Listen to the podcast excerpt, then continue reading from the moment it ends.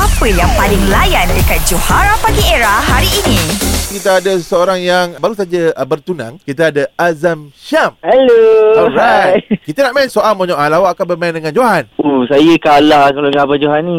Okey, okay, kita try. Eh, Kita akan cuba bagi awak menang. Eh, Ah. kelebihan diberi kepada awak lah. 10 soalan awak bertahan. Kita confirm bagi awak menang. Okey eh. Okey, okey. Okey, situasinya ni. Situasi dia adalah ni lah uh, anda berdua uh, dipanggil untuk menjadi juri All Together Now Malaysia. Alright. Silakan. Okey, awak nak nyanyi lagu apa ni? Siapa yang juri sekarang ni? Berapa lama awak nak nyanyi? Boleh nyanyi ke? Siapa penyanyi dia? Uh, awak tak tahu lagi ke?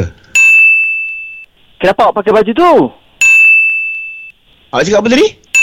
Awak kena menari. Hmm. Ah. Patutnya kau punya Zam macam ni Zam. Awak kena menari. Aduh. Ah tu tu, ah, tu soalan. awak kena menari. Dia punya intonasi salah sikit. kan. Allah Akbar. Okey dah. Kalau dah pernah main, maksudnya dah tahulah macam mana nak umum. um, lah, okey dah, okey dah. Ah.